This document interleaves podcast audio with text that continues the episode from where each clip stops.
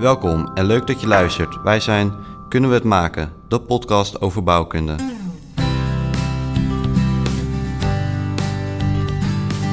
Ten opzichte van nieuwbouw is per definitie renovatie duurzaam.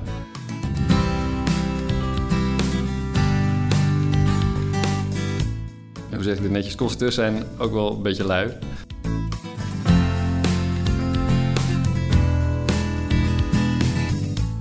Ja, dit is ook wel zoiets waar we best de barricades op voor mogen gaan. Met dit soort erfgoedclubs, het is echt een soort schaakwedstrijd. Je stelt iets voor, zij zeggen van nou, nou meneer, wat zullen we dat nou doen? Ja, zolang die opdrachtgever niks zegt, maken wij alles in hout.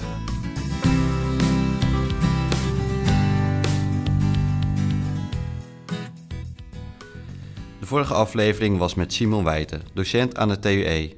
Met hem hebben we het gehad over metselwerk en schade die daarin kan optreden ten gevolge van aardbevingen. Deze aflevering gaan we het hebben over het renoveren van een gebouw. Want vaak hebben we het in deze podcast over nieuwbouw en verschillende materialen. Maar wat als een bestaand gebouw een nieuwe functie krijgt of een nieuwe fundering nodig heeft? Dit gaan we vandaag bespreken met Adrie Verhoef. Nou, welkom Adrie. Dankjewel, goedemorgen. Ja, Adrie, hoe ben je eigenlijk in dit vakgebied terechtgekomen? Uh, ja, dat is. Uh, uh, nou, het is eigenlijk een heel kort verhaal, want dat is denk ik met name met de paplepel ingegoten door mijn vader. Okay. die ook ingenieur was en mijn opa ook en drie van mijn ooms ook. Allemaal bouwkundig of civiel? ja, eigenlijk ook allemaal bouwkundig. Ja. En constructief ook? Ja, dus mijn vader heeft tot voor kort een ingenieursbureau gehad. Hij zegt dat hij nu met pensioen is. Mijn moeder zegt van niet. Ja, dat ben je eigenlijk nooit, hè? nee, volgens mij ook niet. Um, maar daar is het wel een beetje mee begonnen. Um, toen heb ik eerst nog geprobeerd een andere opleiding te doen. Uh, werktuigbouwkunde. Toen zat ik nog een beetje in de ontkenningsfase. Maar goed, uiteindelijk uh, ja, stroomde het bloed waar het niet gaan kon. En uh, heb ik toch bouwkunde gekozen. Ja, en toen heb ik HBO gedaan aan de Hogeschool van Amsterdam.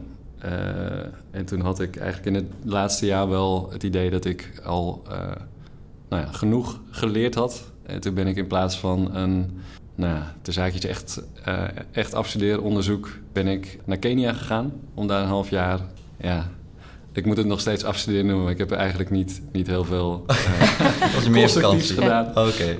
Ja, en dat, dat was eigenlijk de opmars naar, naar waar ik nu sta. Maar in Kenia was het wel een, een bouwproject waar je aan meehielp? Of wat kan ja. ik me erbij voorstellen? Ja, het is een vrij lang verhaal. Maar ik, uh, ik ging er eigenlijk heen omdat mijn oom bisschop was in die tijd in Kenia. En die, uh, die liet daar een, uh, een kerk bouwen in de buurt van Nairobi. En ik zou bij die aannemer gaan werken. En daar zou ik als soort van in-house constructeur... ja, eigenlijk een onderdeel van die kerk construeren. En dat leek me hartstikke leuk. Maar toen, eigenlijk net toen ik landde in Nairobi, toen was er een, een carjacking geweest. Waarbij een aantal blanke uh, toeristen waren uh, omgekomen. En toen zei mijn moeder, nou, misschien moet je maar niet. Uh, want ik, ik zou dan elke dag door Nairobi heen moeten reizen met de auto. Ja. Mm -hmm. En mijn moeder zei eigenlijk, nou, doe maar niet. Weet je wel, ga gewoon maar... eigenlijk zei ze, kom maar terug. En nou, toen dacht ik, ja, Moela. ik ben hier nu, dus toen heb ik uh, daar ter plekke gesolliciteerd bij, uh, uh, bij een ander ingenieursbureau in Nairobi. En dat was nou, een, een, interessante ervaring. Maar dat was afstuderen, toch? Ja. ja. Maar wel gehaald? Of, op wel gehaald, ja. Ik heb uiteindelijk een, een nieuwbouwproject. dus ja, wat je dan denkt is dat je... Hè, dat je daarheen gaat om de wereld een stukje te verbeteren en uh, allemaal goede bedoelingen. Uh, maar uiteindelijk heb ik een, ja, een nieuwbouwproject voor de superrijken in Nairobi uh, geconstrueerd. Ja, dus dat was mijn afstudeerproject. Dat was wel een leuke kennismaking, want ik had nog niet zoveel gedaan met betonbouw op de hogeschool. En daar werken ze met de British Standards en ja, daar wordt er gewoon heel veel in beton gebouwd. dus ik heb, ik heb er wel wat geleerd. Ik zal niet, weet je wel, zeggen dat ik er niks heb geleerd, maar ja, ik heb vooral sociaal-cultureel veel uh, veel ervaring opgedaan. Ik wou zeggen, dat is natuurlijk wel een hele andere werkomgeving dan wanneer je gewoon in Nederland zou gaan starten. Ja, dat uh, kan ik wel zeggen. Ja. Het maakt het wel interessant en het is ook wel goed voor je bagage natuurlijk om uh, in het ja, buitenland denk ik wel. Het maakt je ja, gewoon in algemene zin wat nederiger. hè? En ook, nou ja, niet dat ik niet een tevreden mens ben, maar hè, als je ziet hoe andere mensen het hebben en ja, vooral ook hoe, hoe gelukkig mensen daar al zijn met, hè, met wat zij hebben en dat jij dan klaagt over dat je batterij van je elektrische bakfiets leeg is. ja, zijn, het plaatst dingen wel in een ander perspectief, absoluut. Dat is zeker waar. En daarna, ben je daarna gelijk het werkveld ingegaan of ben je nog door gaan studeren? Ja, nee, ik ben gelijk begonnen met, met werken uh, bij Strake, bouwadviesbureau in Amsterdam. En ik ben toen vrij snel daarna ook begonnen met een deeltijdopleiding uh, die gegeven werd door de Betonvereniging uh, in Utrecht. Een beetje de deeltijd variant van de echte masters. Ja. Mm En daar heb ik twee masteropleidingen gedaan. Ze hebben daar specialisaties in beton en staal, niet in hout, helaas. anders had ik die nou ja, als die nog zou komen, zou ik die er absoluut nog achteraan willen doen. Misschien biedt de Vereniging van Houtconstructeurs die toch nog wel ergens aan. Ik heb, gehoord van een cursus. Heb je van een cursus gehoord? Ja, ze organiseren een cursus. Nou ja, ja van uh, Vereniging Nederlandse Houtconstructeurs. Ja, ja. is natuurlijk wat anders dan een master. Maar ja. Ja. dus die, die heb ik wel gedaan. Maar ja, dat is tweedaags en dit is uh, drie jaar. Uh, twee keer drie jaar was het dus. Iets anders. ik heb het papiertje ook, dus... Ja, ja. ik moet wel zeggen, dat was, dat was een een goede aanvulling. Wel veel verdieping in de materie. Met name, nou, ik wilde zeggen met name voor beton, maar bij staal is het eigenlijk ook wel een hele nuttige aanvulling. Dus ik heb daar veel aan gehad. Oké. Ja. En toen naast Sarké, want voor mij werk je daar niet meer? Nee, klopt. Klopt. Daar heb ik ja, zo'n beetje tien jaar gewerkt. Een bureau wat, uh, wat ja, veel doet in bestaande bouw in Amsterdam. En dat, ja, dat liet eigenlijk vanaf het begin mijn hart wel sneller kloppen. Ik hou al van, van erfgoed en de, de uitdagingen die dat met zich meebrengt. Eh, maar goed, op een gegeven moment nou, kwam ik erachter dat, ja, dat ik toch wat andere ambities had hè, dat dan, dan zij hebben. Uh, ik wilde nadruk net op wat andere dingen leggen. En nou ja, we kwamen eigenlijk tot de conclusie dat, dat ik daar niet uh, kon bereiken wat ik wilde. En toen ben ik, nou, even kort gezegd, want dit was een lang traject. maar toen ben ik voor mezelf begonnen. Oké. Ja. Een eigen bedrijf gestart. Een eigen bedrijf Als gestart. constructeur. Ja.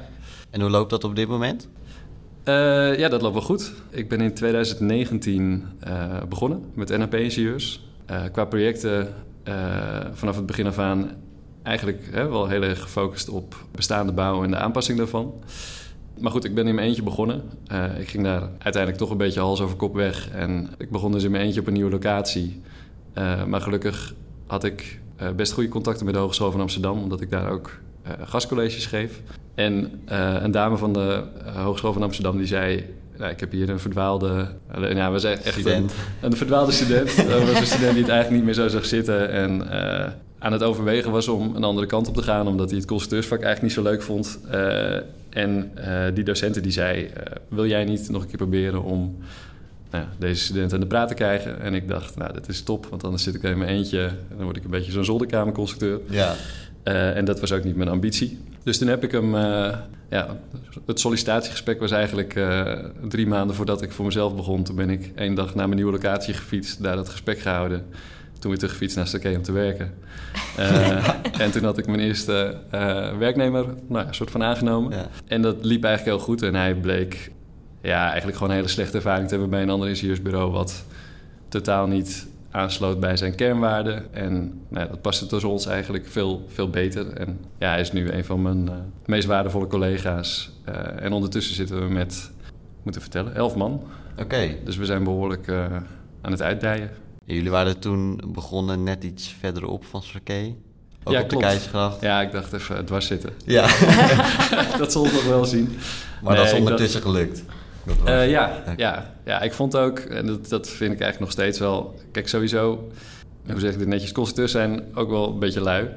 En uh, jonge constructeurs, nou, ik denk sowieso de hele jonge generatie... die wil het liefst, weet je wel, alles via Gorillas bestellen... en niet te veel moeite doen. Dus ik, ik dacht, uh, ik moet ook een locatie hebben die, die aanspreekt... en die het liefst niet zo ver van een station af zit. Hè, dus eerst op de grachtgordel en nu zitten we dus... we zijn net verhuisd naar een nieuw pand... Ja. -hmm. En dat, nou, dat zit in een iets minder bekend stukje van het centrum. Eigenlijk net achter het toeristische deel. Maar nog steeds in het centrum van Amsterdam. en het idee is ook dat iedereen dus... we delen geen bedrijfsauto's uit. wel fietsen. en als je op een beetje afstand woont en ik... Nou ja, ik vind dat je het niet meer op een normale fiets kan redden dan een elektrische fiets. Maar we proberen wel het duurzaam transport te promoten. Dus okay de fiets of het OV, uh, maar geen bedrijfsauto's uh, voor de deur. Is dat ook een van de kernwaarden die je in je bedrijf doorvoert qua opdrachten, projecten? Ja, dat is een goede vraag. Uh, dat is ook wel een hele lastige. Want uh, ik, ik ben een beetje pragmatisch, principieel zou je kunnen zeggen. Uh, kijk, je, je hebt als constructeur niet, niet het eindoordeel. Hè, dat, dat, ligt toch altijd bij de klant. En je merkt, en dat, nou ja, veel van jullie gasten in eerdere podcasts zeggen dat ook. Ja, als het op de kosten aankomt, dan is er gewoon niet echt een incentive om, hè, om de duurzame, duurzame variant te kiezen, omdat die eigenlijk altijd iets duurder is. Dus hè, je hebt een paar constructeurs en die bewonder ik enorm. Die zeggen wij doen alleen maar duurzame projecten en als het niet meer duurzaam is, dan doen we het niet. Ja, misschien als ik die luxe heb, dan zou ik het doen. Maar wij, ja, wij kunnen gewoon niet. Hè, niet al onze projecten zijn duurzaam. En vaak begint het met, wel met een duurzaamheidsambitie. Hè. We hebben veel architecten die ons, die ons wel juist benaderen omdat ze weten dat wij ja, ook een groen hart hebben en echt vanuit die uh, filosofie proberen te construeren. Maar ja, mijn ervaring is op dit moment dat dat soort projecten 9 van de 10 keer in het voorlopig ontwerp nog hè, volledig CLT zijn bijvoorbeeld. Of een ander biobased materiaal. Maar als er, als er dan een, uh, een eerste offerte op tafel komt van een aannemer, ja, dan, ja, dan gaan ze volledig in de ankers. En hè, dan, dan maken ze eigenlijk een, een 180 graden bocht en wordt alles ineens breedplaten met kalkzandsteenwanden. Ja. En, ja, en dan, dan voel ik me niet in de positie om te zeggen, nou jongens, dan uh, scheiden hier onze wegen. Want we gaan dit gewoon niet doen. Ja. Kun je eigenlijk ook niet doen natuurlijk. Nee, ik denk een uh, duidelijke visie vanuit het bedrijf. Ja. Ja, ja. ja de markt is er nog gewoon niet klaar voor eigenlijk. Dat, we, dat je als bedrijf zijnde die leverage kan hebben van... is het niet nee. duurzaam, dan doen we het niet. Of ja. je moet echt een... Uh... Ik, er ligt natuurlijk... Maar goed, dat is ook weer een hele lange discussie. Volgens mij ligt de grootste verantwoordelijkheid toch bij, bij de overheid ik denk dat wij constructeurs, of in ieder geval een deel van de constructeurs, heeft denk ik wel echt een, een, uh, een incentive om de wereld wat beter te maken. Ook lang niet alle constructeurs hoor, want ik merk dat, ja, dat wij vooral met onze uh, manier van denken jonge constructeurs aanspreken. Hè. Er, er, komen geen uh, 40, 50-jarige constructeurs bij ons solliciteren. ik denk dat Net die reden ook? Nou, weet ik niet. Ik bedoel, we, we, zeggen wel bewust in onze vacatures dat we een vegetarische lunch op, opdienen. Hè, die is dan wel die bieden we aan als bureau. Want dan heb ik het ook gewoon zelf in de hand. Maar ja, ik kan me voorstellen dat het toch voor sommige mensen uh, even slik is. Weet je wel, die gewend zijn dat ze gewoon... Uh, ja, bij een normaal ingenieursbureau ligt er gewoon een homp vlees hè, op de lunchtafel. Ja, ja. ja, dat doen wij dus niet. Ja. nou ja, genoeg over deze hobby voor nu. ja. ja. Heb je nog andere hobby's ook? Naast het construeren en je eigen bedrijf? ja, ik, ben, uh, ik heb het gisteren even nagevraagd bij collega's of ik dit zo mocht zeggen, maar ik ben oh. een ultraloper. Oh.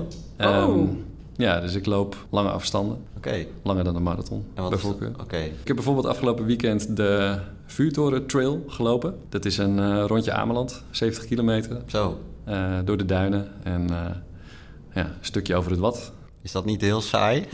nee, nee, nee. het is echt... nee, het is waanzinnig. Ik vind het echt heel leuk. Het, op meerdere vlakken ja, daagt het je enorm uit. Het is natuurlijk fysiek is het... Eh, nou, het is gewoon een lang eind. Nee, ja, het is een enorme uh, prestatie, lijkt mij. Wat is het langste ja. dat je hebt, ooit, ooit hebt gelopen dan? Ja, dat is ook die 70. Die 70, dit was ja. een mijlpaal ook dit weekend. Ja, ja de, de volgende stap is 100. Die hoop ik ergens dit jaar te gaan doen. Uh, dat zijn natuurlijk wel een mooie... Uh, daar ben ik er ook wel hoor. Dan uh, ja, hang ik mijn schoenen aan de wilgen. En, ontzettend lang. Ja. En, hoe, en hoe is dat zo gekomen? Kwam je erachter dat je wel uh, lang kon lopen? Of vond je dat gewoon leuk, lang lopen? Ja, dat is wel een goede vraag. Ik, uh, kijk, ik vind... Um, constructeursvak is best intens soms. Je hebt ook best een grote verantwoordelijkheid. Uh, je krijgt op sommige dagen behoorlijk wat scheid over je heen van aannemers. Weet je wel, die zeggen... Nou, we staan hier stil met de bouw en dat komt dan vaak door hè, een slechte planning die zij gemaakt hebben. Maar de consequentie is dat jij voor het blok wordt gezet. Uh, hè, dat ze eigenlijk zeggen van nou, als jij geen advies geeft op dit uh, onvoorzien, dan kunnen wij niet verder. En heeft de opdrachtgever daar kosten uh, voor. Dus dan, nou ja, je hebt best wel wat zesvolle situaties. En ik merkte ja.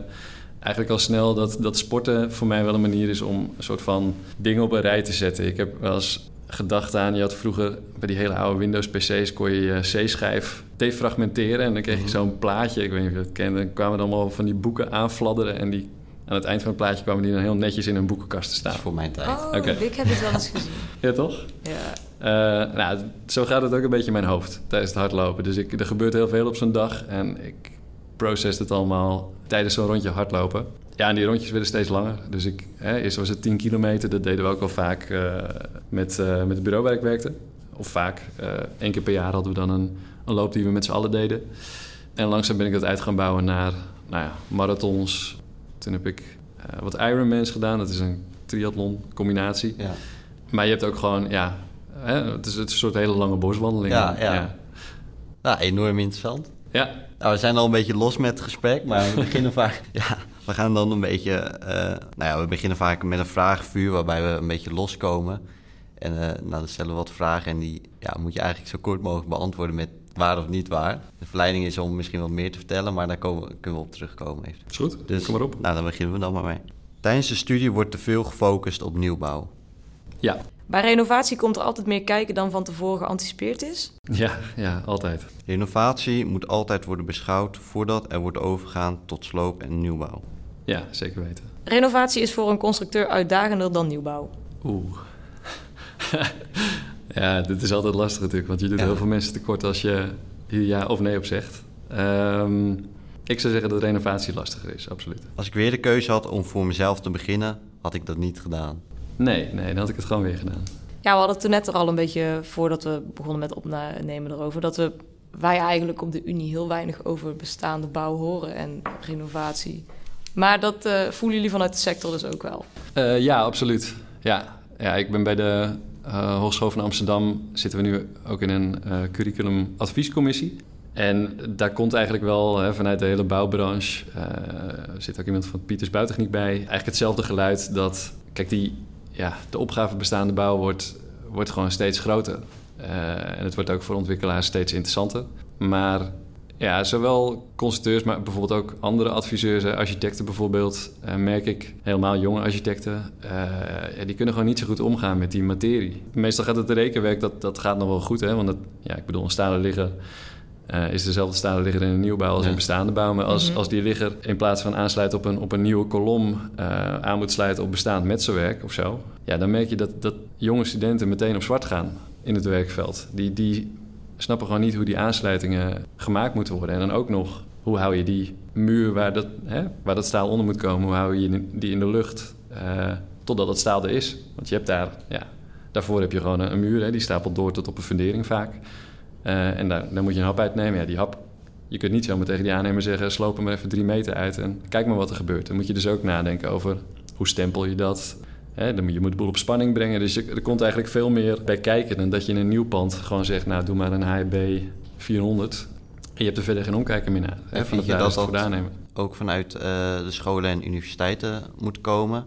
Of denk je, nou ja, in de praktijk leer je wel genoeg... en het is voldoende om te weten hoe ja, dat het er is en de principes misschien, maar het meeste leer je in de praktijk? Uh, nou ja, hoeveel vakken bestaande bouw hebben jullie?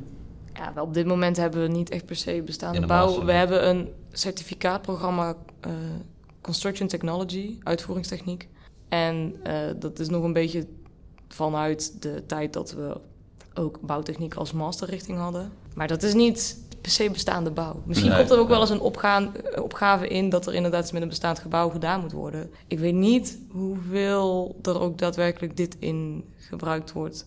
Maar ik denk wel dat, omdat we geen bouwtechniek master meer hebben, dat we misschien die, uh, die kennis wel een beetje aan het missen zijn vanuit ja. de Unie. Ja, ik denk, ik, ik ken geen cijfers over de huidige bouwopgave en hoeveel daarvan bestaat en nieuw is. Uh, maar volgens mij is, is het niet in verhouding met de lessen die gegeven worden, hè, bestaand versus nieuw. Het is natuurlijk heel sexy om uh, lessen te krijgen over een betonprinter uh, of over parametrisch ontwerpen, omdat dat, ja, dat ligt echt aan de grenzen van de huidige wetenschap en hè, wat we kunnen toepassen in, uh, in de bouwtechniek. Maar ik weet zeker dat er meer omgezet wordt op dit moment in hè, aanpassing van bestaande bouw dan in 3D geprinte uh, gebouwen, bij wijze van spreken, of parametrisch ontworpen gebouwen. Mhm.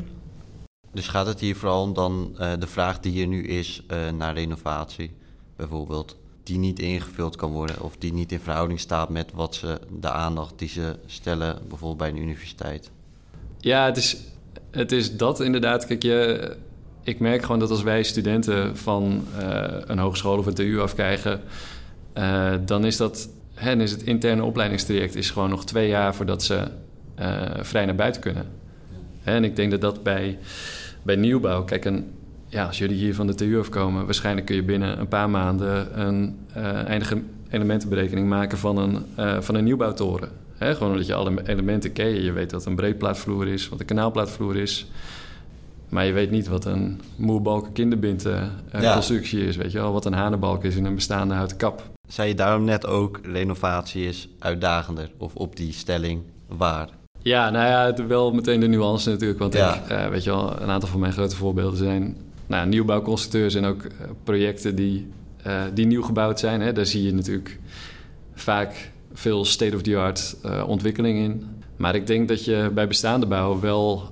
Ja, de uitgangssituatie is heel anders. Weet je wel, bij een nieuwbouw heb je gewoon een leeg blad... wat je samen met een architect gaat invullen. En bij bestaande bouw heb je, ja, heb je gewoon een bestaand kader waarbinnen je moet opereren. Dus je hebt, je hebt gewoon al iets wat er staat. En ja, het, maakt je, hè, je, bent je moet er ook wat nederiger, nederiger mee omgaan. Dat je, ja, dat je je echt ook uh, bewust bent van, is iets monumentaal of niet? Uh, is het zichtwerk? Hoe wil een architect dat het er straks uit komt te zien in de nieuwe situatie? Kan ik zomaar, weet ik veel, in een, in een gevelopening een stalen ligger inbrengen? Of wil die architect aan de buitenkant gewoon ja. Uh, nog metselwerk zien, bij wijze van spreken. Ja, het wordt heel snel complex. Maar is die complexiteit niet ook een, juist iets wat het heel inventief maakt? Kijk, met bestaan, met nieuwbouw, als jij een probleem hebt, dan kun je zeggen nog tegen de architect: ja, uh, pas iets aan in je plattegrond en dan komt het constructief beter uit. Ja. In bestaande bouw is dat niet. En moet je denk ik toch wel vaak een creatievere oplossing bedenken in een bepaalde manier, omdat je zoveel beperkingen hebt. Ja, ik, je hebt helemaal gelijk. Ik, uh, je bent perfect uh, visitekaartje voor ons bureau, denk ik. uh, nee, dat is absoluut waar. En kijk, dat is, dat is ook lastig. Hè? Je wordt veel meer uitgedaagd. En ja, binnen ons vakgebied is het, is het ook wel spannend. Hè? Iets wat je altijd doet, is, is wel wat, wat minder glad ijs. Hè?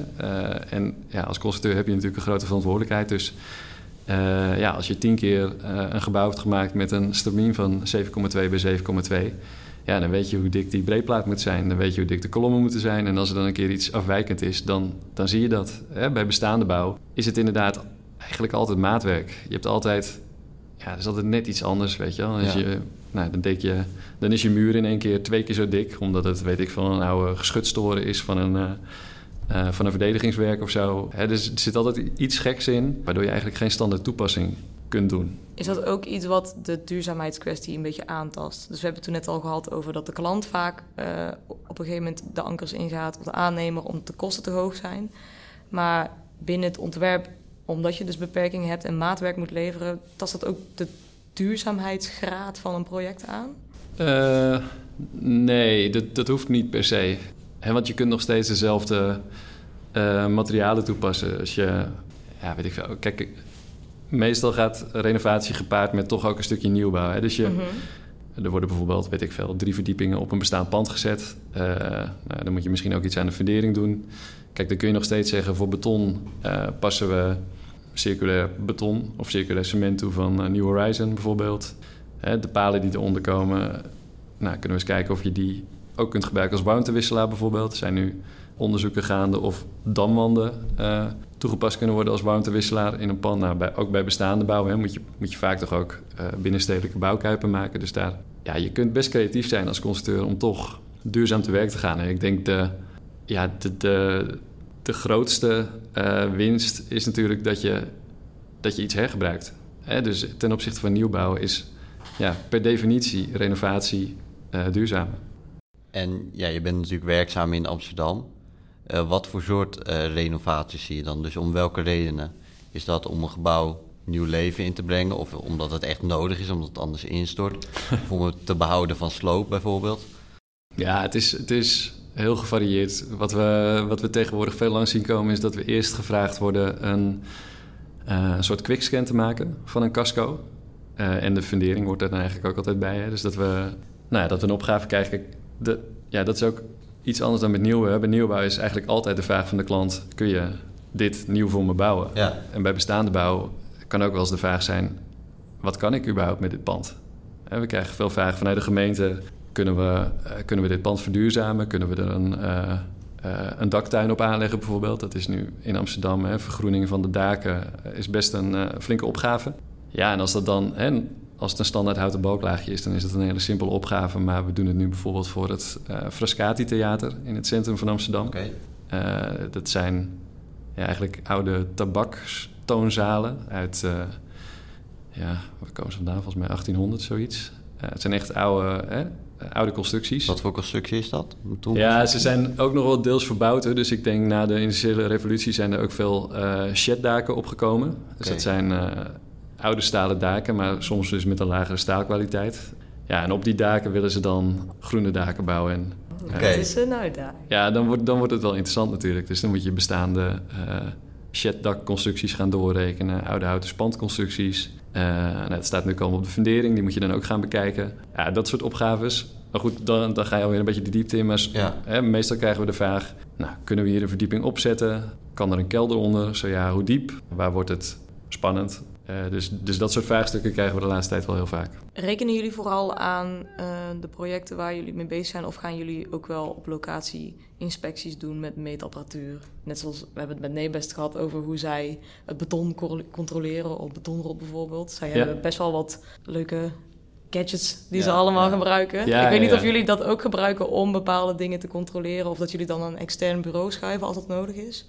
Uh, ja, dus we doen dat zelf. Kijk, je hebt natuurlijk het standaard meetwerk, hè, wat, we, uh, wat we zelf doen. We, hebben nu, uh, we zijn voor de gemeente Utrecht aan het kijken naar de werfkelders in Utrecht. Uh, je hebt in Amsterdam natuurlijk de, de kademuren die nou, in verval zijn en ja. nu vervangen worden. Grote opgave. in Utrecht, hoewel ze dat misschien zelf nog niet weten, hebben ze misschien wel een veel grotere opgave met werfkelders. Die grotendeels ja, dus eigenlijk particulier eigendom zijn, maar uh, waar een publieke weg overheen rijdt. Waar gewoon, nou ja, uh, tonnen vrachtverkeer nog steeds overheen gaan. En die werfkelders die zijn, uh, die zijn ook in verval. Dus we hebben vanaf, vanuit de gemeente Utrecht de vraag gekregen... kunnen jullie voor ons inzichtelijk maken wat die kelders nog kunnen dragen? Ja, dat is echt een snoepwinkel aan, weet je wel, aan, aan constructief onderzoek wat je dan moet gaan uitzetten. Dus we, nou, daar hebben we Nebest ook voor ingeschakeld, okay. uh, voor metselwerkonderzoek. Dus die gaan daar boringen maken en kijken wat de druksterkte is van dat metselwerk. Uh, maar wat we ook hebben gedaan is, uh, samen met een 3D-scan-dienst, zijn we die hele werfkelders van binnen en van buiten aan het scannen omdat wat je bij eerdere onderzoek op dat vlak ziet, is dat ze nou, best veel onderzoek doen, maar wat ze eigenlijk niet meten, omdat ze het niet zo goed kunnen meten, is de exacte dikte van die gewelfbogen van die werfkelders. Uh, dus wat wij nu gedaan hebben, is nou, we hebben eerst al die binnenzijdes van die werfkelders gescand. Dat zijn echt een soort van, nou, het zijn echt een soort... Uh... Een point cloud, uh, zeker? Ja, dat zijn echt okay. point clouds inderdaad. Dus fotorealistische scans met GPS-coördinaten per pixel. En daarna hebben we aan de bovenzijde een proefsleuf gegraven over die werfkelders heen. En die ook weer van boven, bovenaf gescand. Okay. En dat aan elkaar gekoppeld. Ja. Ja, dat ziet er heel tof uit. Want dan zie je in één keer... Hè, dus dan kun je een doorsnede trekken over je point cloud. En dan zie je eigenlijk gewoon exact op elk punt de dikte van die werfkelder. Dus dan kun je ja, eigenlijk dat één op één in een eindig elementenprogramma zetten. Dan de aslasten erop en kijken, ja, waar gaat het heen? Ja, ik heb ze volgens mij bloot zien liggen toen in, uh, okay, ja. Utrecht. Maar ook grappig. Maar ja, dat heb je wel vaker toch, dat je een constructie niet kan zien, uh, bijvoorbeeld in een gebouw. Ja, Zeker klopt. bij de innovatie. Klopt. Maak je dan uh, van tevoren een inschatting of uh, maak je wat kapot waardoor je het wel ziet of net genoeg ziet? Ja, nou, het is precies wat jij zegt. Kijk, je werkt natuurlijk altijd graag van niet destructief naar destructief. Ja. Dus je, ja, zo'n opdrachtgever wordt er niet heel blij van uh, als je zijn monumentaal superplafond opentrekt. Ja. dus dat, weet je wel, dat is eigenlijk een laatste redmiddel. Uh, gemeente Utrecht werd er ook niet heel blij van overigens dat we boorkernen van rond 20 centimeter uit monumentaal metselwerk moesten boren. Maar uh, het gaf wel heel veel waardevolle informatie. Uh, goed, waar je meestal mee begint, en dat hebben we bij die werfkelders ook gedaan, maar dat doen we eigenlijk bij alle projecten, is dat we eerst gaan kijken in de beschikbare archieven, wat is er allemaal? En ja, dat wil ik ook iedereen aanraden die hier naar luistert. Doe dat nou eerst. Want hè, soms zie je dat constructeurs die stappen helemaal overslaan en meteen weet ik veel, de boel opentrekken of maar zeggen, nou, we, we weten hier niks van, sloop ja. het maar. Ja. Want van best veel gemeentes uh, zijn de archieven redelijk compleet. Uh, Amsterdam heeft gewoon een openbaar, gratis toegankelijk uh, archief, waarin je ja, van panden in ieder geval tot, tot 1900 en van sommige panden, als het echt Rijksmonumentalis hebben ze vaak nog wel echt van die printen uit, eh, uit de late middeleeuwen. Waar gewoon bouwtekeningen in staan van wat er ooit gebouwd is. Met maatvoering erbij, alles, hè, aanpassingen die eraan zijn gedaan. Dus het eerste wat wij doen is inderdaad uh, archiefonderzoek, literatuuronderzoek. En daarnaast gaan we kijken in ja, databanken die er zijn... of er bijvoorbeeld eerder al metingen zijn gedaan naar de zakking van een pand bijvoorbeeld. is er iets bekend over de grondwaterstand in de buurt? Is die, met name als er iets mis is met de fundering of zo, ja, is er een reden aan te wijzen in de recente geschiedenis hoe het zou kunnen dat grondwaterstand uh, een ding is geworden. Hè? Als, als je buurman rechts een, een, hele diepe kelder aanlegt, maar die vergeet dan wanden aan te brengen bijvoorbeeld, ja. dan ben je zelf ook vrij snel aan de beurt. Want dan, hè, dan trekt zo iemand gewoon het water uit de hele buurt weg. Dat zie je ook echt gewoon in pijlwijze gebeuren. Hè? Dat tijdens nou ja, uh, bouwprojecten uh, zie je in één keer een grondwaterstandverlaging in de hele buurt. Ja, dan weet je, dat is gewoon de oorzaak voor hè, toekomstige problemen bij uh, omliggende panden. Dus je eerste advies, dat leef je vaak op basis van archiefonderzoek? Ja. Ja, oké. Ja. En als we echt niks weten en we kunnen nog niet slopen, dan, dan moeten we het gewoon op basis van ervaring doen. Hè, hoe, ja, meestal kun je ook wel een beetje kijken naar de logica van een pand. Je hebt meestal wel een beukmaat die die doorloopt dan van onder tot boven. En dan kun je wel kijken van nou, dan is onze verwachting dat dit de dagende muren zijn. Je kunt met de uh, gecertificeerde stamptechniek wel uh, vaststellen of een vloer van hout is of niet. Ja. Veel meer dan dat kun je overigens niet vaststellen. Snap je? Oké.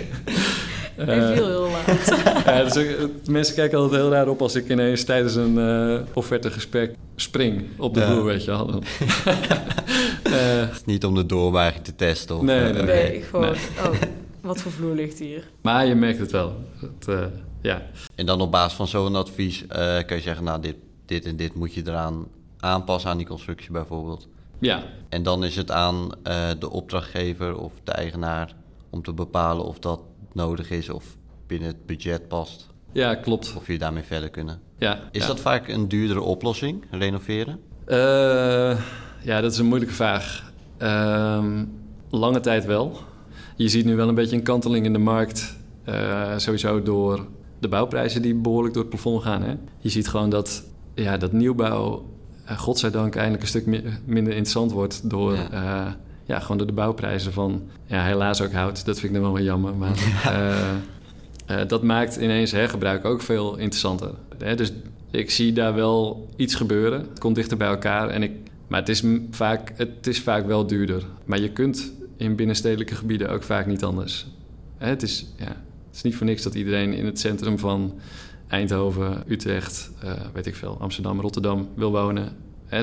ja, daar gebeurt het toch ook gewoon een beetje, denk ik, voor ja. veel mensen. En als je dan ergens woont en je wilt uitbreiden, ja, je kunt niet, weet je wel, je grachtenpandje slopen en er even een hoogbouwtoren neerzetten. Dus het enige wat je dan kunt doen is ja, misschien de kap uh, verhogen en er een hele diepe kelder onder bouwen. Ja, dat zijn dan relatief dure vierkante meters. Maar ja. als je wilt blijven wonen op de plek waar je zit, is het, is het de enige oplossing. Ja, ja. Is het misschien ook dat de populariteit van renoveren wat meer verhoogd is, omdat er de afgelopen jaren toch wel, denk ik, wat toonaangevende projecten zijn gerealiseerd, waar bijvoorbeeld in is opgetopt, zoals uh, Phoenix 2 in Rotterdam. Ja, ja. Dus ik weet niet of dat ook nog wat aan ja, de vraag naar kunnen we het misschien renoveren heeft gedaan. Dat mensen net iets vaker zijn gaan nadenken, misschien kunnen we nog iets doen met dit gebouw. Ja, ik denk wel dat het een steeds uh, serieuzer op, opgave wordt. Uh, en ik denk dat dat soort projecten absoluut helpen. Het spreekt wel enorm door de verbeelding. Maar kijk, wat nog meer zou helpen natuurlijk... is als hergebruik ook vanuit de overheid meer gestimuleerd zou worden. Je hebt nu natuurlijk... Ik heb ooit een keer een lezing gehad van de voorman van uh, New Horizon. En die vertelde toen over de BTW. Uh, dat is de belasting toegevoegde waarde. Ja, okay. uh, en zijn pleidooi was, en dat vond ik een hele terechte... is dat ook op hergebruikte bouwmaterialen moet je op dit moment BTW betalen.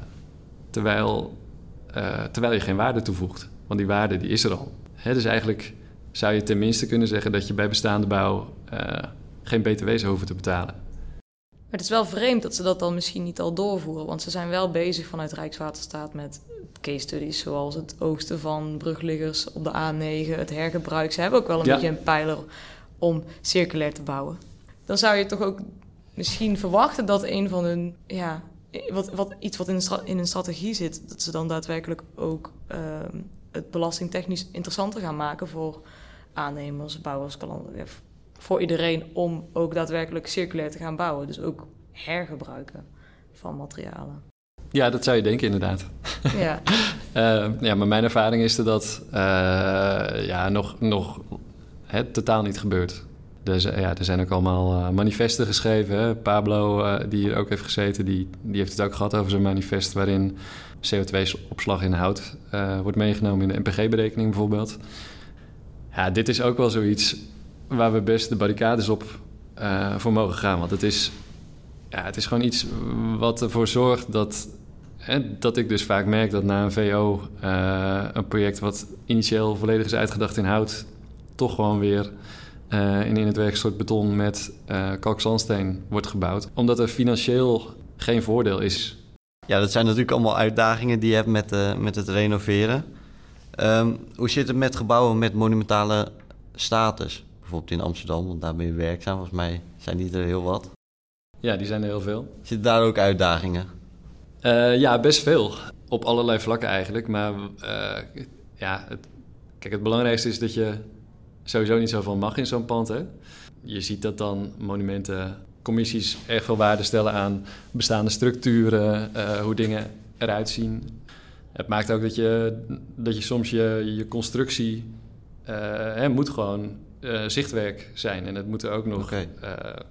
in respect met het monument. Dus als je bijvoorbeeld ja, noem eens wat. Hè? Je hebt bijvoorbeeld uh, in oude panden, we hebben nu een pand wat als museum gebruikt.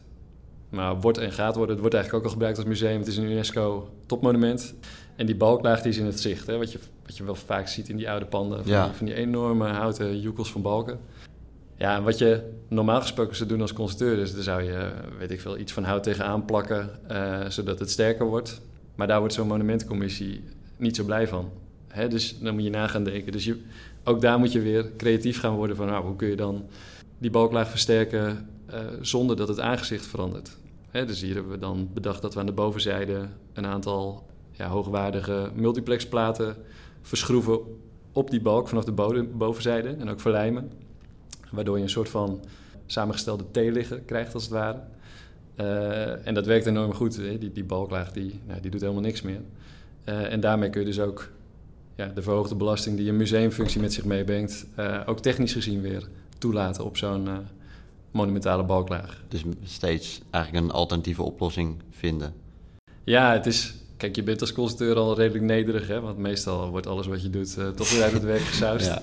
En dit is eigenlijk een beetje de overtreffende trap dat je, ja, dat je het echt zo moet maken dat, dat niemand ziet dat het er is.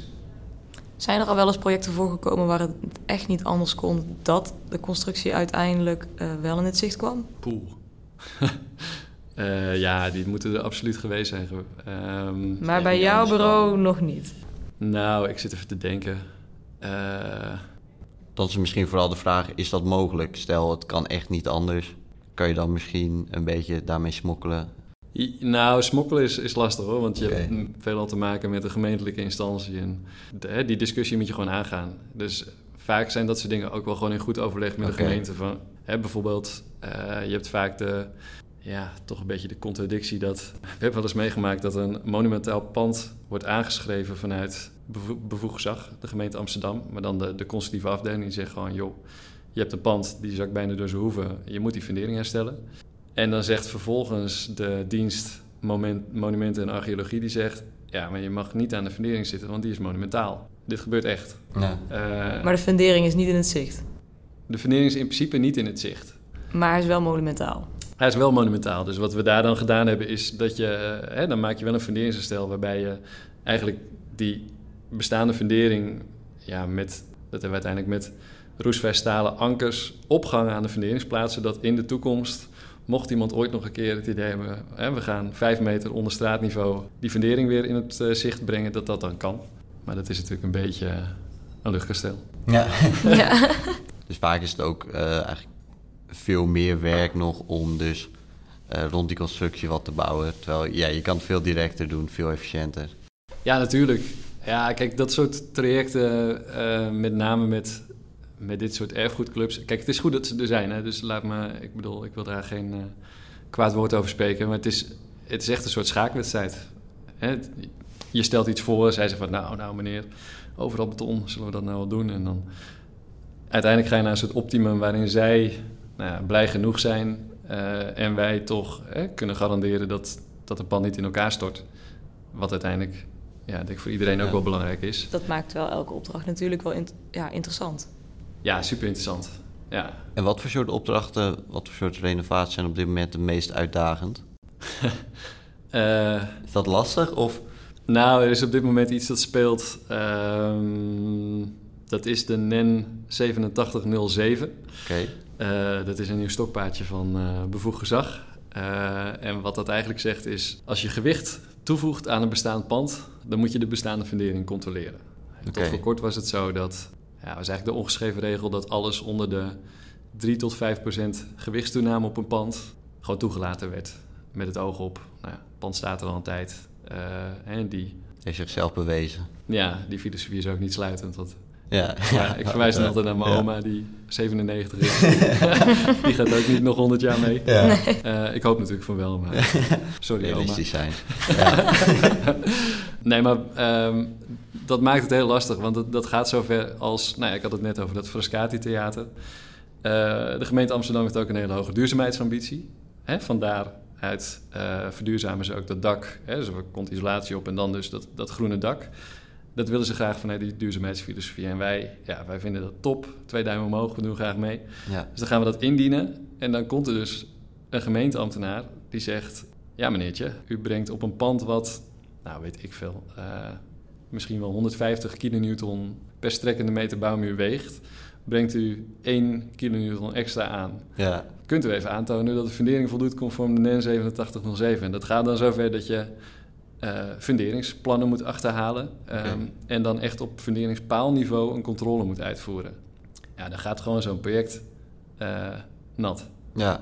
Hè, dus hier is de gemeente opdrachtgever, dus nou, die heeft diepe zakken, uh, die wil ook heel graag.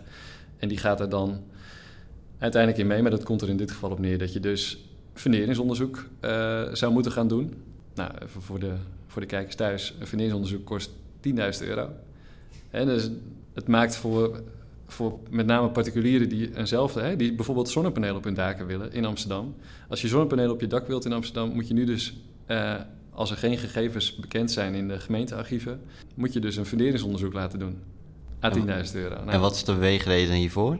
Is het voor een fout gaan? Of? Ja, dit vind ik een hele lastige. Naar mijn idee niet. En volgens mij is er ook uh, niet enorm veel aan de hand. Je hebt natuurlijk altijd wel situaties hè, dat iemand, uh, dat een enthousiaste aannemer in een uh, appartementengebouw alle vloeren voorziet van 10 centimeter beton of zo. Dat hebben we wel eens meegemaakt.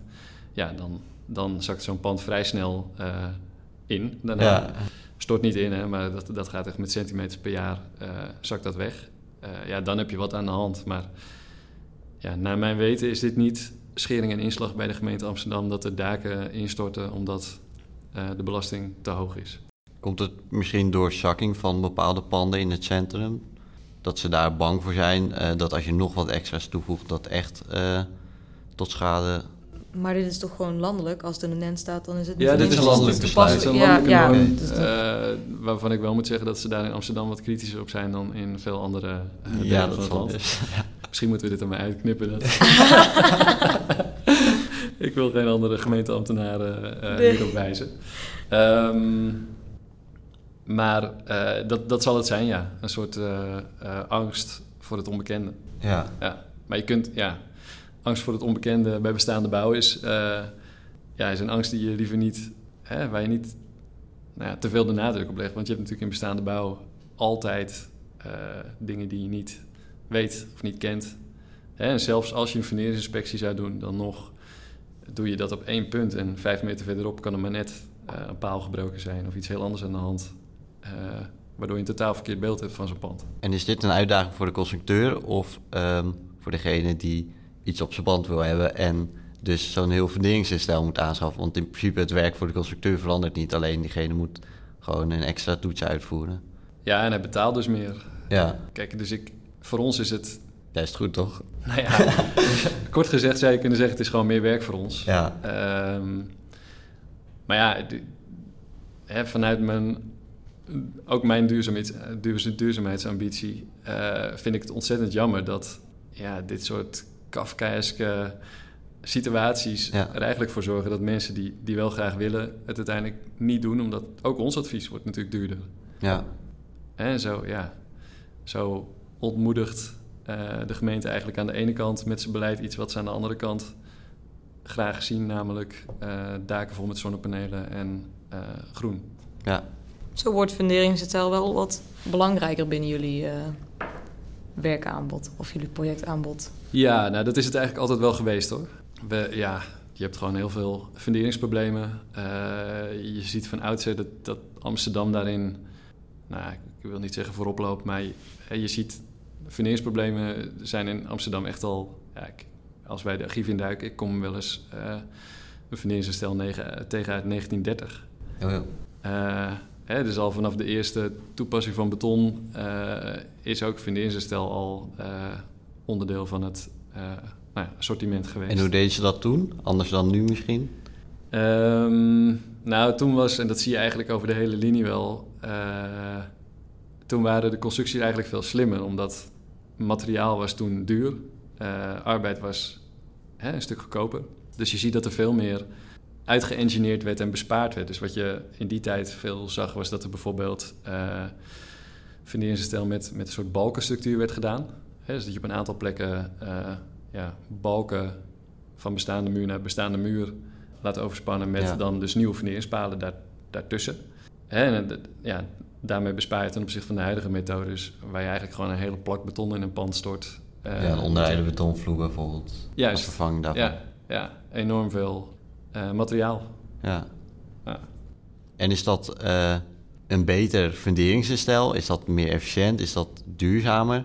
in jouw ja, ogen? In principe is het duurzamer natuurlijk. Kijk, als je beton kunt besparen, moet je het doen.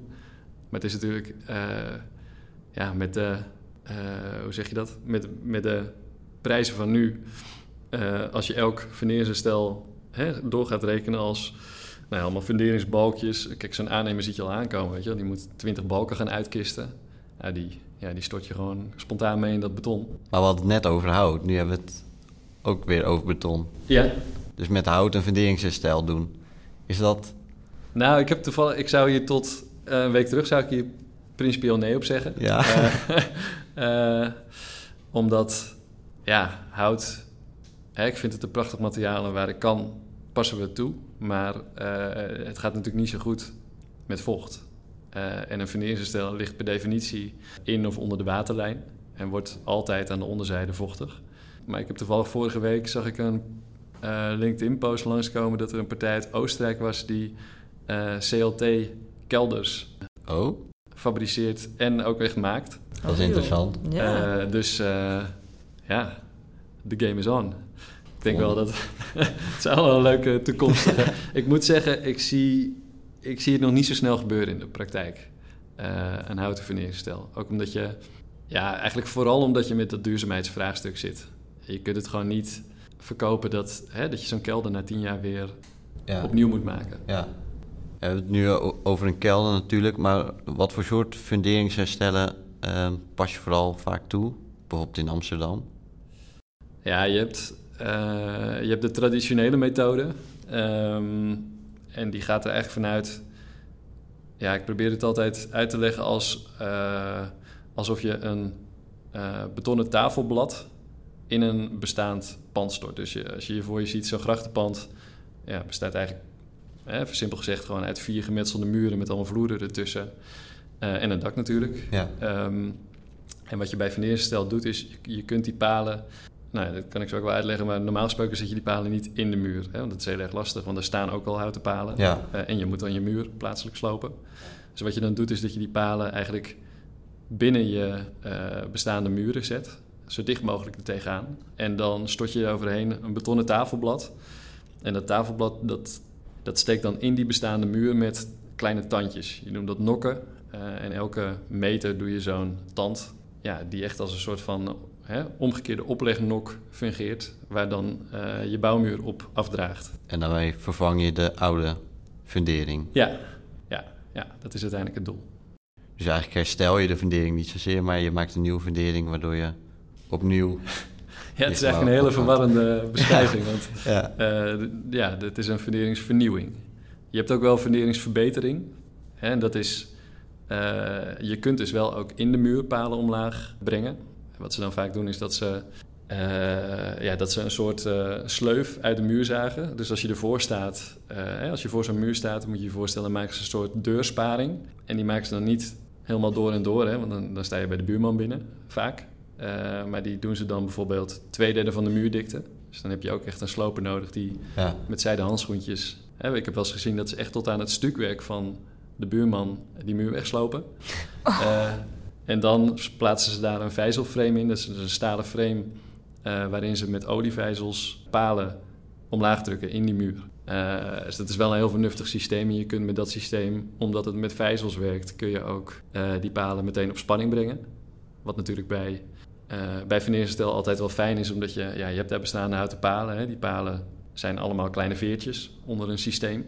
En als je daar ineens een nieuwe paal tussen zet, ja, dan doet hij nog niet zoveel. Hè, totdat dat pand verder zakt. Ja. Maar dan heb je weer meer schade. En dan geleidelijk zakt die nieuwe paal in functie.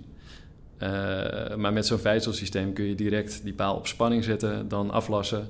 En dan zit hij gewoon vast aan je muur en hè, functioneren die nieuwe palen ook meteen. En is de reden waarom dit lastig is, um, fundering eigenlijk toevoegen aan een bestaande fundering, uh, het verschil in stijfheid. Dus je wil wel dat uh, de fundering als één geheel gaat samenwerken en het pand niet op het ene stuk meer zakt ja. dan op een ander punt. Ja, dus dat is van dit systeem wel een, ja, inderdaad een moeilijk, moeilijk vraagstuk. Ja, dus vaak wordt gewoon een fundering volledig nieuw gemaakt en geïntegreerd met de bestaande constructie daarboven. Ja.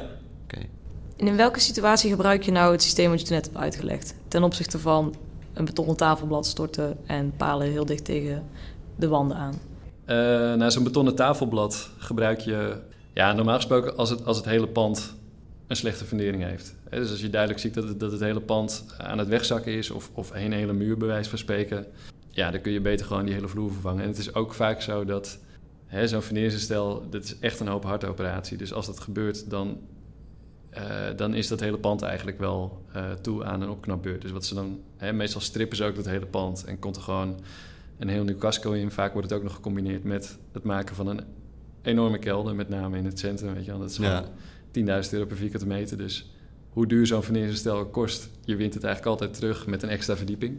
Ik moet zeggen dat, dat er tegenwoordig ook wel soms verneerstel wordt gedaan in situaties waar dat technisch gezien niet noodzakelijk is. maar dat, dat gewoon zo'n bewoner ziet, nou als ik er een verdieping onderbouw, dan uh, tel maar uit je winst. Je krijgt er meteen een goede fundering bij. En je krijgt er meteen een goede fundering bij. Hè? En die, die, uh, dat systeem dat je die palen echt in de muur naar beneden brengt. Ja, ik heb dat bij meerdere plekken meegemaakt. Maar wat vaak gebeurt is dat, dat dat je bijvoorbeeld ziet dat één hoek van een pand wegzakt. Dat er bijvoorbeeld, uh, hè, meestal staan die panden in Amsterdam op een houten paalfundering. Uh, wat je wel ziet is dat één zo'n houten paal nou ja, naast de muur is komen te staan, waardoor dat pand eigenlijk onder zijn fundering doorzakt. Ja, het kan ook zijn dat er gewoon uh, in één hoek, ja, noem eens wat, meer belasting op die fundering aanwezig is door een latere verbouwing of zo. Is ergens een portaal ingezet of zo. Maar als, je, als er echt één hoek, hoek is die slecht is en de rest is eigenlijk nog wel goed, dan kun je dus met één of twee van die, uh, van die kleine paaltjes kun je, uh, kun je dat pand weer stabiliseren. Dan noem je het ook funderingsverbeteringen. Dat is, dat is een naam die beter klopt, denk ik, dan funderingsherstel bij uh, nou ja, het maken van een nieuwe fundering. Heb je ook vaak last met de buren bijvoorbeeld? De blendende panden? ja, last is wel een goed woord. um, nou, het, het, is, dat is altijd een hele moeilijke discussie. En we, we Kijk, meestal zitten wij niet helemaal aan het begin aan tafel met dit soort gesprekken met de buren. Maar ik, ik probeer opdrachtgevers wel altijd uh, mee te nemen in waar ze aan gaan beginnen. En hè, je hebt in Amsterdam, ja, veel panden zijn gewoon in de loop der tijd tegen elkaar aangebouwd. Hè. Dan heb je muren die zowel van jou zijn als van de buren. Dus dat is, ja, je noemt dat mandelig, dus dat is gezamenlijk eigendom. Uh, helemaal als zo'n fundering niet slecht is en je gaat hem toch vervangen... Uh, ja, dan kan zo'n buurman zeggen, en niet geheel onterecht moet ik zeggen, uh, doe maar niet. Weet je wel? Want wat je eigenlijk doet is dat je dat ene pand zet je op ja, fonkelnieuwe pootjes. Hè, dat, dat zakt 0 mm meer, terwijl elk ander pand in de omgeving... Uh, nou, in Amsterdam is een gemiddelde zakking zo'n beetje 2 mm per jaar. Oh joh. Dat betekent dus dat het pand ernaast uh, in de komende 10 jaar tijd 2 centimeter scheef zakt, tenminste. Ja, dat, dat gaat best hard dus als je daar de buurman van bent, dan, ja, dan kan ik me wel voorstellen dat je even je vinger opsteekt. Is dat al een veel voorkomend probleem, waarbij uh, je dus die verschil in setting hebt, doordat er een verdelingsherstel ja. is toegepast aan de ene kant? Ja, enorm veel. En het is ook als één pand, als je de Amsterdamse grachtengordel hebt, dan nou, het zijn gewoon telkens 120 panden op rij. Voor ons zijn dat 120 potentiële projecten. Als er maar één zo'n pand in een rijtje verdelingsherstel doet, dan is aan weerszijden dat pand ernaast, je noemt het ook een scharnierpand, dat wordt het ook echt. Ja. dat pand dat zakt gewoon scheef. Uh, dus tien jaar daarna is dat pand aan de beurt. En tien jaar daarna. Hè, dus, en als, ja, als er dan een onverlaat 50 meter verderop ook een keer begint met funderingsherstel, dan krijg je daar hè, dezelfde golf aan uh.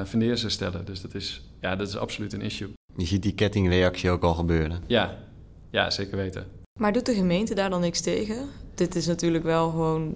Het is hun stad. En ik snap ook wel dat de gemeente zou denken van... oké, we hebben een probleem met verzakte huizen... en mensen kunnen het zelf aanpassen. Maar zodra ze het zelf aanpassen... dan genereren ze eigenlijk een probleem voor hun buren. Ja, ja dat, dat, dat is denk ik gewoon een gegeven. Kijk, je hebt, het, je hebt er is een verschil tussen uh, funderingen die op aanschrijvingsniveau zitten, hè, dus die, die gewoon slecht zijn uh, en die vervangen moeten worden. Dat kun je gewoon niet anders, want dat pand uh, is technisch gezien, nou ja, voldoet het niet meer aan de, aan de regelgeving. en dan, ja, dan begint die kettingreactie van buurpanden. Maar er wordt wel serieus wat gedaan tegen panden die nog niet toe zijn aan funderingsherstel, maar waarbij bewoners dat zelf voorstellen. Daar is de gemeente wel echt heel kritisch op. en dat wordt vaak ook gewoon afgewezen. Oké, dus er is wel een beweging dat... Uh... Ja, absoluut. Gelukkig wel. Ja. Jammer nou voor ons, maar... Ja, ik wou zeggen, het geeft jullie wel heel veel werk. Nee, ik vind het ook... Ja, ik vind het ook niet meer dan terecht dat hè, voor dat soort situaties je gewoon kritisch... Kijk, als iets nog goed is, waarom zou je dan toch vervangen? Dat is ook weer duurzaam, eigenlijk. En er is genoeg wat vervangen moet worden nog. Ja. Er is genoeg markt ook uh, binnen de renovatie. Ja, ja, ik bedoel, verspreid dat werk maar een beetje over de komende... Ja. Nou ja, hoe lang ben ik nog werkende? 40 jaar? Doen jullie nog wel iets buiten Amsterdam of is echt alles gecentreerd in Amsterdam qua projecten? Nee, we doen wel veel buiten Amsterdam. Je merkt ook dat kennis van bestaande bouw, uh, nou ja, in de grote steden is die er nog wel, hè, maar daarbuiten heb je natuurlijk ook wel uh, nou ja, veel bestaand waar iets aan aangepast moet worden. En ja, je merkt dat toch veel ingenieursbureaus daar niet zoveel trek in hebben. Dus uh, nee, we, we, werken eigenlijk door heel Nederland. maar ik moet wel zeggen, de Randstad is wel onze onze core eh, business. Daar is de vraag waarschijnlijk ook nog steeds wel het hoogste. Ja, en er is gewoon ook meer geld beschikbaar om, uh, hè, om dingen aan te passen. Het, het, is gewoon in de Randstad ook sneller rendabel om uh, een verdieping op je pand te zetten of een kelder eronder. Als jij in Lutjebroek, uh, weet je wel, een funderingsherstel met een tweelaagse kelder wilt realiseren dan vermoed ik dat je dat niet terug gaat verdienen met uh, vierkante meter daar. Ja. Nee, waarschijnlijk niet. en doen jullie ook nieuwbouw dan daarbij? Jawel. Ja. Oké. Ja, dus het is, het is ook vaak de combinatie. Hè. We, ik denk dat wat ons onderscheidt is dat we veel verstand hebben van bestaande bouw uh, en ervaring daarin. Maar het is eigenlijk altijd gecombineerd met een stuk nieuwbouw. Hè. Meestal heb je, weet ik veel, een bestaand monumentaal pand waar dan wel een, weet ik veel, een nieuw entreegebouw. We zijn nu bijvoorbeeld voor het Ronald McDonald Huis aan een bestaand betonnen casco uh, een nieuw stalen bouwwerk aan het bouwen. Uh, ja, dan, dan heb je verstand nodig van bestaand uh, en nieuw. En kun je daar wat meer het duurzaamheidsaspect ook in kwijt? Ja, kijk, dat is altijd wel lastig, maar we proberen... we hebben binnen het bureau nu een, een duurzaamheidsfactsheet... die we erbij pakken bij ontwerpen van projecten. en dan kijken we vooral naar... Um, nou ja, binnen de grenzen die vanuit uh, een opdrachtgever gesteld worden aan een project. Hier, hier, moest, uh, hier moest eigenlijk betonnen vloer in. Dan kijken we, ja, kunnen we... Wat is dan de meest duurzame variant? Nou, dat blijkt vanuit NPG-scores uh, een kanaalplaatvloer te zijn. En dan gaan we ons daar hard voor maken. Kunnen we daar een kanaalplaatvloer toepassen? Nou, dat is uiteindelijk gelukt, gelukkig. Dus we proberen per situatie te kijken... wat, ja, wat is onze bewegingsruimte? Hè, als we bijvoorbeeld een vraag krijgen voor een, uh, voor een aanbouw achter een woning. Kijk, we doen ook veel kleine projecten. Ja, uh, ja zolang die opdrachtgever niks zegt, maken wij alles in hout. niet verder vertellen, maar uh, ja, als niemand ons iets vraagt en die kaders niet stelt, dan doen wij de meest duur, duurzame variant. Ja. Pas ook altijd voor kleinere werken een lagere betonsterkteklasse toe. Gewoon omdat er minder cement in zit en daarmee minder uitstoot. Maar jullie specialisme is wel echt uh, het renoveren. Ja, dat onderscheidt ons wel. Oké. Nou, daar hebben we denk ik ook al heel veel over we gehoord. We hebben echt al heel veel uh, gehoord, ja. ja. Wat vond je? Ik? Interessant? Ik vond het heel interessant, ja. ja. Hebben jullie wel wat geleerd? Ja, zeker. Ja, zeker. Wil je ook nog iets meegeven aan de studenten? Um, ja, ik heb, ik heb twee. Uh, nou, ik heb één. Dat zijn eigenlijk twee tips. Oké. de eerste is: wij hebben um, vanuit ons bedrijf uh, eh, NAP Atelier. Uh, en dat bieden we aan aan studenten die afstuderen. Ik moet zeggen, we zitten in Amsterdam en we krijgen vooral veel studenten van de Academie voor Bouwkunst. Dat zijn architecten in de afrondende fase.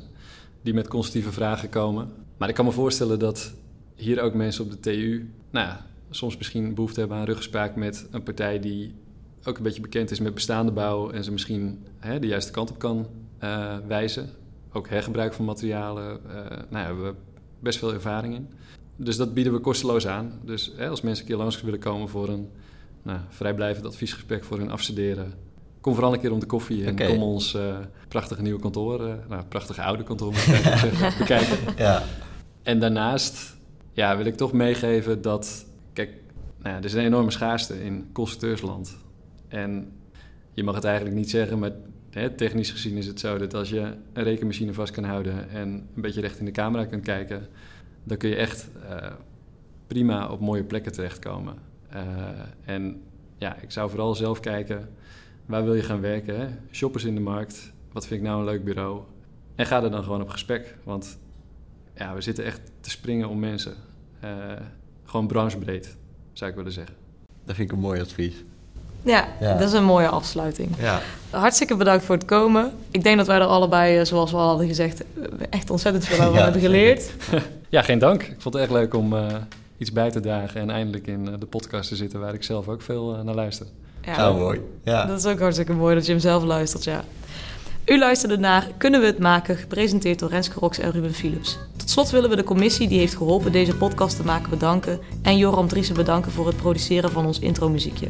Natuurlijk jij bedankt voor het luisteren. Wil je graag reageren op deze aflevering, dan kan dat door te mailen naar podcast.koerstw.nl of door ons te volgen op Instagram @koersief. Geef ons nu ook sterren op Spotify, waardoor onze podcast beter gevonden kan worden. Over een maand zijn we terug met onze volgende aflevering. Voor nu bedankt voor het luisteren en tot ziens.